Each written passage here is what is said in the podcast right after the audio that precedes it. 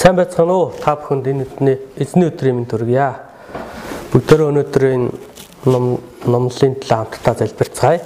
ертөнцийн эзэн минь танд баярлалаа. Энэ сайхан өдрийг бидэнд зөвшөөрөн өгч байгаа талархаж байна. Ариун сүнс таны үгийг сонсож байгаа хүн нэг бүртээ хамт байж ивэн өрөөж ажиллаж өгөх болтугай хэмээн гоож байна. Өнөөдрийн үгийг тунхаглах сулдраа надтай хамт байж мэрэгэн ухаан ариун сүнсний хүчээр дүүрэн өдөртөж өгөөрэй хэмээн залбирanгуйж байна. Бүх алдар нь танд байг Есүсийн нэрээр залбирanгуйж байна. Амен. За өнөөдрийн үг бол сүнсний дайнд ялалт байгуулах нууц аргын талаар суралцах гэж байна. Бүгдээрээ хамтдаа гол ишлэл 6-гийн 5-ыг хамт уншийе. Тэд хуцын иврийг уртаар хөнгнүүлэх үед та нар бүрээн дууг сонсоод Бүх хүн маш чангаар уухайлан хашгиралдах ёстой. Хотын хан доош нуран унах бөгөөд хүн бүр чигээрээ дайран гар гэлээ. Өнөөдрийн үг нь Батбих хамгаалалтаа Ерехо хотыг Израильчуудад нураан өгч байгаа Бурхны шийтгэлийг харуулсан хэсэг байна. Бид энэхүү номлолоор дамжуулан Бурхны тактик тушаалыг дуулууртай дагвал Ерехо цайд шиг асуудлыг нурааж ялалт байгуулдаг хүмүүс болохыг хүсэн өрөөж байна. Нэгдүгээр зүйл Бурхны тактикт тушаал. Нэгээс 5 дугаар зүйл. Нэгдүгээр зүйлийг үзээрэй. Израилийн хөвгүүдөөс болж Ерехо чанд хаагдсан бөгөөд хинч орж гарахгүй байваа. Ерехо Ерехохт нь Йордан голоос баруун тийш 8 км зайтай оршдог байсан ба Канаан газрын зам сүлжээний төв учир стратегийн хувьд маш чухал хот байв. Канаан газрын Канаан нутгийн улсууд хоорондоо цэргийн эвсэл байгуулах, хамтарсан тактик боловсруулахаас үрдчлэн сэргийлэх, Канаан газрыг байлдан дагуулах үндсэн түшиж газартай болохын тулд Израильчууд энэ хотыг заавал эзлэх ёстой байлаа. Харин энэ Иерихон гаднаас нь довтолж нураашгүй байглаас зайсан Батбих цайзтай цайз байсан. Дөрвөн талаараа өксөр уулын өрөөд байрлах ба цайзын хан нь 2 м зузаантай гадагшаа 35 градус налуу учир хаанаас нь ч авирах боломжгүй байв. Үүнээс гадна Израильчууд Египтээс гарахдаа улаан тэнгисийг хуурай газар мэт гаталсан. Аморчуудын хоёр хаан тулсыг устгасан. Йордан голыг хуурай газар мэт гаталсан зэргийг сонссон Ирихочууд зүрхэн мохож сүнс сүлдэн арилаад хотын бүх хаалгыг бат бөх төгжжээ. Иймээс Израильчууд Израильчууд яахч аргагүй болов. Байлдаж байж л Ерихо хотыг байлдан дагуулах боломжтой юм. Харин дайснууд нь байлдах ямар ч сонирхол байхгүй. Цайз нь эвдэршгүй бат бих дайрах боломжгүй учраас Ерихо руу орох цорын ганц зам нь хаалгаар нь орох явдал байлаа. Гэвч хотынхон бат цоожилсан учраас яах аргагүй байлаа. Тэр хотыг удаан хугацаагаар бүслэн дайснуудаа өсөглөнгөөр хавчих арга байгаач төрүүлж Израильчууд өөрсдөө өсөх нь зайлшгүй байв. Газар нь хад чулуутай учраас ухаж орж орох боломж байхгүй. Харин Ирихочууд яарах юм байхгүй учраас тэд хаалгуудаа батхаагаад хүлээж байлаа. Израильчууд үнэхээр мухардмал байдалд хүрчээ. 3-аас 5 дугаар зүйлийг уншицгаая. Та нар хотыг тойр. Тэгэхдээ бүх дайчин ирсээ хотын нэг дайчин ирс хотыг нэг удаа тойрогтун. Үүнийг 6 хоног хий. Мөн 7 тахилч хуцын иврээр хийсэн 7 бүрээг авдрын өмнө авч явах ёстой. Энэ 7 дэх өдөр нь та нар хотыг 7 удаа тойрч тахилч нар бүрээг үлээхтэн Тэд хуцын иврийг уртаар хөнгнүүлэх үед та нар бүрээн дууг сонсоод бүх хүн маш чангаар уухайлан хашгиргалтах ёстой. Хотын хан доош нуран унах бөгөөд хүн бүр чигээрээ дайран гар гэлээ. Та нар ийм хүүхдийн тоглоом шиг сонссон уу? Ийм цэргийн тактик гэж байх уу? Зүгээр л бүрээ үлээгээд өдөрт нэг удаа цайзыг тойрвол болно гэж байна. 1 2 өдөрч биш бүр 7 өдөр цайзыг тоорч хашгирвал тэр Батбих цайз нурна гэсэн. Энд жаахан андуурл гарсан уу? Эсвэл бидний хуурч дайсны олз болгох гэж байна уу гэж Израильчууд бодсон байхаа. Ямартай ч Бурхны энэ тактикт тушаал нь бидний оюун ухаанаар ойлгоход хэцүү тушаал байв. Харин энэ тушаалыг авсан Йошуа болон ард түмэн яасан бэ? 2 дугаар хэсэг Ерехог эзэлсэн Израильчууд 6-аас 21 дугаар зүйл. Одоо 6-аас 9 дугаар шиллийг үзээрэй. Йошуа тахилчдыг дуудаж Бурхны тактик тушаалыг тэр ёсоор нь дамжуулсан төдөөгүй ард олондоч тэр хэвээр нь дамжуулжээ. Йошуа Бурхны тушаалыг ард олны сэтгэлд тааруулан өөрчлөөгүй. 7 өдөр тойр гэснийг 6 өдөр ч юм уу 5 өдөр ч юм уу эсвэл 3 өдөрт багтаагаад нэг мөсөн тойр гээгүй. 11-ээс 20 дугаар ишлэлт Бурхны тушаасан ёсоор Йошуа болон Израильчууд 100% дуудвартай дагсан. Тэд өдөр болгон Ерехо цайзыг нэг бүтэн тойрсон. Бөгөөд 7 өдөр тойрч бүрээн дуунаар маш чангаар нэгэн зэрэг уухайлан хашгирсан. Тэгэхэд Батбих Ерехо цайз өөрөө нуран унсан юм а. Тэгвэл хүний нүдээр харахад яагаад ч эзэлж авч чадахгүй нураач чадахгүй байглаас заяасан Батбих Ерехо цайз яагаад ийм амархан нуран унсан бэ? Израильчууд 7 өдрийн турш тойрч алхаснаас болсон уу? Эсвэл зэрэг хүчтэй хашгирснаас болсон уу? Энэ нь бидний оюун ухаанаар тайлбарлагдахгүй ер бусын үйл явдал юм а. Археологчид Ерехо цайзыг нурж унсан нууцыг судалсан байна лээ. Харин тэд үүнийг нурсан шалтгааныг судлахдаа олон хүний хөлийн дөргөлт болон дуунаас болж уулын чулуу нурж хотын Батбих цайз нуран унсан гэж таамагласан байдаг. Харин бид уг үйл явдлаар дамжуулан ялалтын нууц нь хаана байгааг сурч болно. Ерхо цайзыг эзлэн авахд Израильчуудын гүйцэтгэсэн цэргийн тактик ажиллагаа нь ажиллагаа нэгч байхгүй юм. Израилийн цэргүүд Ерхо цайзыг нураахад сэлэн барьж тулдаагүй. Тэсрэг бөмбөг хэрэглэж галт сумч харваагүй Товчхондоо бол чигчийн хуруугаач хөдөлгөөгүй. Тиймээс Ерехо цайзыг нураагч нь тэд биш бурхан байсан юм. Израильчууд бурханы тушаалыг дуулууртай дагсан. Учир нь бурхан Израильчуудад Ерехо цайзыг өгнө гэж амлсан ёсороо түүнийг нураасан юм. Ерехо хотыг эзлэх дайн бол Канаан газрыг байлдан дагуулах анхны дайн байсан юм а. Энэ дайнаар дамжуулан Бурхан Канаан газарт байгаа бүх дайснуудыг нь Израильд зөвшөөрөн өгсөн ба Бурхан өөрөө байлдана гэдгээ харуулсан билээ.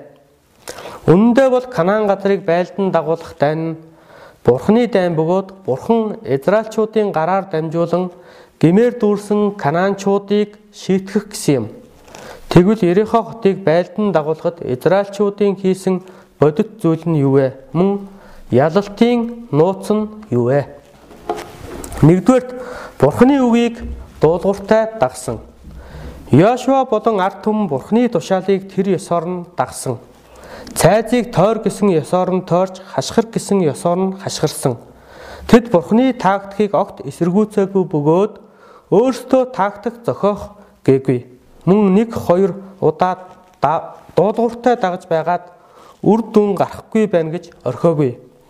Тэд мөн зөвхөн Бурхны үгийг бүрэн дуустал дуулууртай дагсан. Тэгснэр Ерехо цайзыг нурааж ялалт өгсөн Бурхны агуу хүч чадал гайхамшигыг биеэр үтсэн билээ. Бид энэ үйл явдлаар дамжуулан Бурхны хаанчлалын ажилд ялалт байгуулах нууц арга нь зөвхөн Бурхны үг тушаалыг 80% биш, 99% ч биш, 100% өрн дуулууртай дагах явдал гэдгийг сурч болно. Харин Бурхны үгийг дуулууртай дагахдаа нэг хоёр удаа дагаж байгаад байдал сайжраагүй сайжраагүй өөрчлөгдсөн юм алга гэд болж болохгүй. Бүрэн дуустал дагах хэрэгтэй. Тэгснээр агуу зүйлсийг хийж чадах Бурхантай хөвчлэн уулзаж таньж мэдэж чаднаа. Бурхны үг тушаалыг дуулууртай дагах гэвэл юуны төрөнд биднээс итгэл шаардагдана. Дуулууртай байдал ба итгэл нь зоосны хоёр талтай адил юм.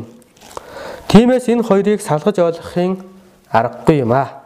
Бурхан Бурханд итгэж байгаа бол дуулууртай дагахад хизээд бэлэн байдаг.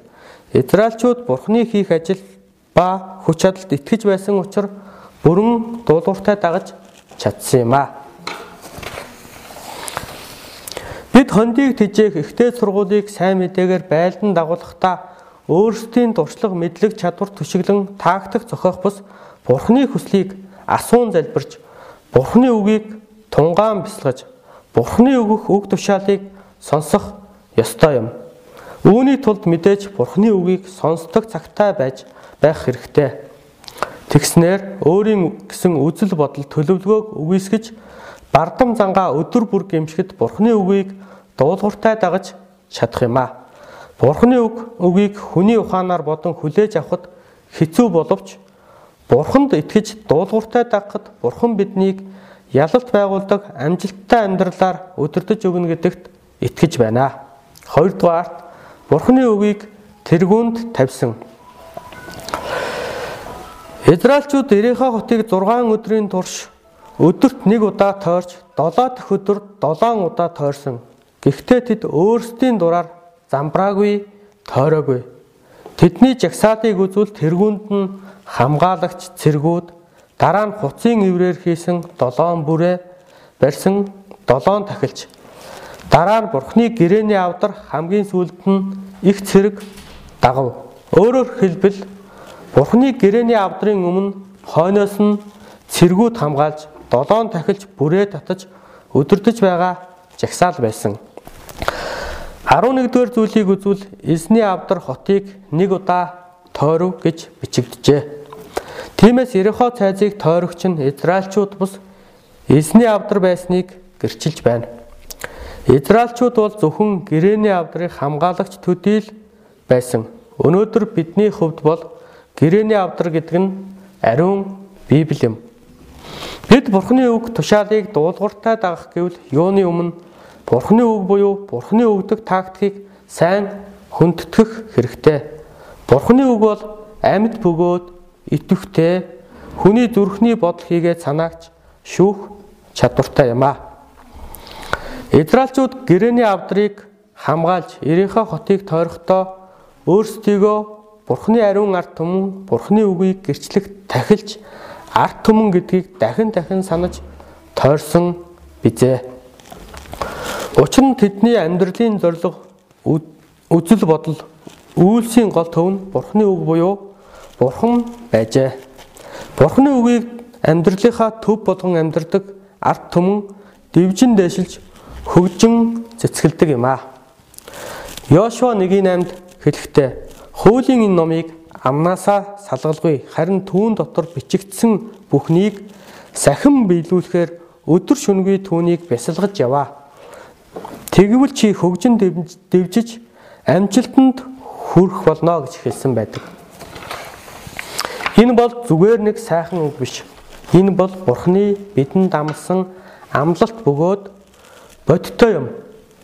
Тиймээс таны амьдралын төвд Бурхан буюу Бурхны үг байгаасаа гэж хүсэн өрөөж байна. 3 дугаарт сэтгэл сэтгэл нэгдэн чанга хашгирсан. Израильчууд Иреха хотыг эзлэхийн тулд нэг сэтгэлтэй байсан. Нэг хүнч хоцроогүй мөн төрүүлээгүй. Бүгд нэг хүн шиг хөдөлцгөөж байсан. Бусдаас тодорч харагдахын тулд эсвэл од болохын тулд хачин үйлс гаргасан хүн байгаагүй. 2 сая гаруй ард түмэн 7 өдрийн турш ямар ч чимээ шуугаан асуудал гаргалгүй нэг хүн шиг хөдөлсөн үнэхээр гайхамшигтай зүйл байлаа. Мөн Йошуа ард түмэнд Бурхны тушаалыг дамжуулахдаа битгий дуугар гэж тушаасан. Тиймээс Израильчууд Иреха хотыг тойроход гарсан дуу нь зөвхөн тахилчдын хөнгөнсөн бүрээний дуу байв. Энэ тахилчдын бүрээний дуу нь Бурхныг магтаж буй дуу бөгөөд бүрээг татхад ард түмэн дуугүй байж магтаал дуу сонсох ёстой байв. Хотыг тойрохдоо өөдөж байна. Чимээгүй явж байхаар хөвгөлтөө зүйл ярий. Магтан дуу дуулъя гэж олон юм ярьж шивнээгүй. энэ ямар сонин вэ гэж гомдлох юм уу? Гоморхоогүй. Энэ мэт ямар ч хүнийг төв тавьсан дуу гараагүй юм а. Зөвхөн бурхныг магтсан дуул сонсож хотыг тойрон алхацгаасан. Өөрөөр хэлбэл тэд өөрсдийг нь аварч агуу хайраар өдөрцөн бурханд талархал магтаал өргөн цаашдч өөрсдийнх нь төлөө агуу ажлыг хийх бурханд талархал магтаалыг өргөж тойрон алхацгаасан юм а. Бурхан Израильчуудын энэ агуу итгэлийг ивэж Ерехо цайзыг нурааснаар тэдэнд ялалтыг өгөв. Тэд ингэж чадсан нэгдмэл байсан учраас нэгдмэл байсан учир юм. Паул Филиппо чуулганд бичсэн загталтаа адил сэтгэж, адил хайртай байж, сэтгэлээрээ нэгдэн нэгэн бодолтой байж намайг гүйцэд баярлуул гэж өгүүлсэн. Энэ цаашлаад Бурхныг ч баярлуулах зүйл юм. Бидний зориг алсын хараа, хөсөл мөрөөдөл, дуудлага цаашлаад үг яриа маанч нэг болох хэрэгтэй. Тэгэхгүйгээр бид Бурхны хаанчлалын төлөө нэгдэж нэг бие шиг хамтран зүтгэж чадахгүй. Израильчууд сэтгэл нэгдэж чадсан бөгөөд Бурхны заасан цагт нэгэн зэрэг чанга хашгирснаар Бурхны гайхамшигт ажлыг харсан. Энэ цагт бид ч гэсэн сэтгэл нэгдэн залбирч нэг санаагаар үйлчилснээр Бурхны бэлтгэсэн гайхалтай ажлыг харж чадахыг хүсэн гойж байна. Миний хувьд ч гэсэн амьдралд Ерехомет олон цайзууд олон байсан. 10 жилийн сургууль төгсөх, их сургууль төгсөх, ажилд орох, ажлын даргын шахалт гэд гих мэт миний хүчээр нурахгүй олон Ерехонууд байсан. Гэвч Бурханд итгэж дуулууртай түүний үгийг сонсож дагснаар энэ олон Ерехонууд нуран унсан байдгийм а. Дүгнэлт Өнөөдөр бид амьдралдаа үргэлж ерехоо цайз мэт дийлж чадхааргүй асуудлуудтай тулгардаг. Тэр ерехоо цайзууд нь бидний дотор байж болно. Бас гадна байж болно. Бидний дотор байгаа ерехоо цайз бид өөрсдийн хүчээр өөрчилж чадахгүй муу зуршил, сэтгэлийн үнд суулгагдсан гутран гүзэл бодол, муухай зан байж болно. Бидний гадна байгаа ерехоо цайз нь мэрэгжил, гадаат хэл гадаад хэл эзэмших, ажилд орох, гэр бүлийн байдал, дагалдагч өсгөх гэх зэргээр хүн бүрт өөр өөр байдаг. Бид иймэрхүү ерехоо цайдыг заавал байлдан дагуулах ёстой. Гэхдээ зөвхөн өнөөдөр сурсан аргаар л байлдан дагуулж чадах юм. Өнөөдөр ихтэй сургуулийн оюутан залуусын сэтгэл янз бүрийн гимээс мөн хуурамч багш сургаал үзлээс болж чанд хаагдсан ерехоо цайд мэд болсон. Ийм тэднийг хараад бид яаж чадахгүй аргаа бардаг. Тэгвэл бид хэрхэн оюутан залуусыг байлдан дагуулж тэднийг сэтгэлийн хаалгыг нурааж тэднийг эзэмдэж байгаа гмийн хүсэл үзэл бодлыг байлдан дагуулж чадах вэ? Их сургуулийг өдөр 7 өдөр тойрч 7 7 дахь өдөр нь 7 тойроод чанга хашгирцгаах уу? Бидний оролцож байгаа дайн сүнсний бөгөөд Бурхны дайн учир Бурхан өөрөө байлдаж бидэнд ялалт байгуулж өгнө. Тиймээс бидний хийх ажил нь сая сурсанчлан зөвхөн Бурхны хайранд бат итгэж Бурхны үгийг 100% дуулууртай дагах явдал юм аа. Мөн Бурхны үгийг төв тавьж сэтгэл зүрхээрээ нэгдэх явдал юм. Тэр үед Ерехо цайз шиг чанд хаагдсан оюутнуудын сэтгэлийн цайз нуран унна гэдэгт итгэж байна. Мөн өөрсдийн дотор байгаа дааж давшгүй цайзуудыг нураа хувийн итгэлийн амьдралаа ялалт байгуулж чадах юм. Учир нь бурхан бидний өмнөөс өөрөө тулдах болно гэж амласан. Харин бидний зүгээс итгэж дуулууртай дагах хэрэгтэй. Мөн залбираад чимээгүйгээр хүлээх нь чухал. Та бурханд итгэж байна уу? Тэгвэл ялалт байгуулж чаднаа. Та Бурхны үгийг дуулууртай дагаж байна уу? Тэгвэл ялна. Энэ цагт Бурхан та бүхнийг өдөр бүр ялалттай амьдралаар амьдралаар өдөртөхийг хөсөн гуйж байна. Эзэн бидэнд эзэн та нарын төлөө байлдана. та нар чимээгүй бай гэж хэлж байна. Амен. Баярлалаа.